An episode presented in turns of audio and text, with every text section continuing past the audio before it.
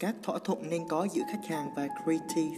Khi bạn làm việc ở các agency nên request tính tiền net.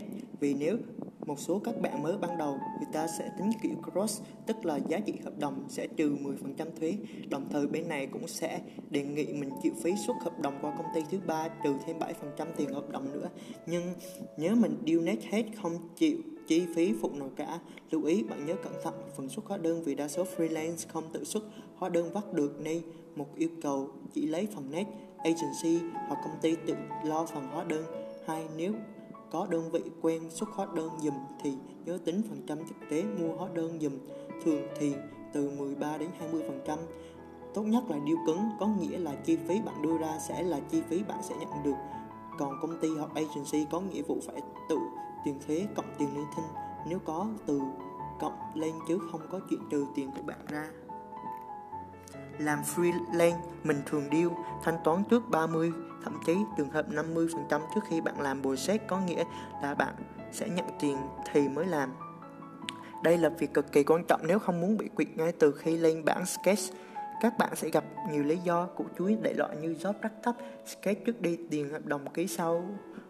Agency muốn bạn test trước để coi style của bạn rồi mới ký hợp đồng. Coi style thì quăng portfolio cho nó ưng thì tính tiền rồi mới làm ok.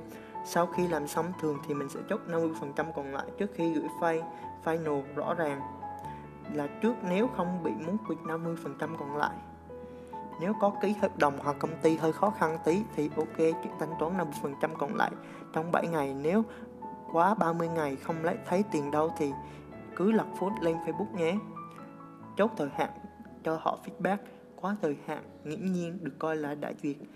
Báo giá tiền thực lãnh đơn vị USD quy đủ theo giá ngân hàng VCB vào ngành thanh toán nếu trả bằng VND nếu muốn hóa đơn đó hay gì cứ việc cộng thêm vào trên số tiền thực lãnh 90% là chẳng có chẳng ký hợp đồng nhưng có những nguyên tắc làm việc được thông báo qua thỏa thuận qua email. Không thanh toán hay cùng nhây thì cứ bơm cho cái email thông báo giờ nào, ngày nào sẽ publish thông tin nếu các đối tác không rõ ràng. Nhưng mà dễ mà sao mất vậy? Người ta báo giá có Chỉ cần như vậy, như vậy dựa trên là được. Vâng anh chị chỉ bấm nút giùm em không cần nói gì tiếp. Miễn tiếp cổ phần chỉ cần tiền mặt. Với web app design thì có thể nhận được một phần cổ phần là một phần tiền mặt nếu làm cho một công ty sản phẩm product company. Tuy nhiên, cần làm rõ điều khoản cash sao, điều kiện nhận cổ phần và pha loãng cổ phần.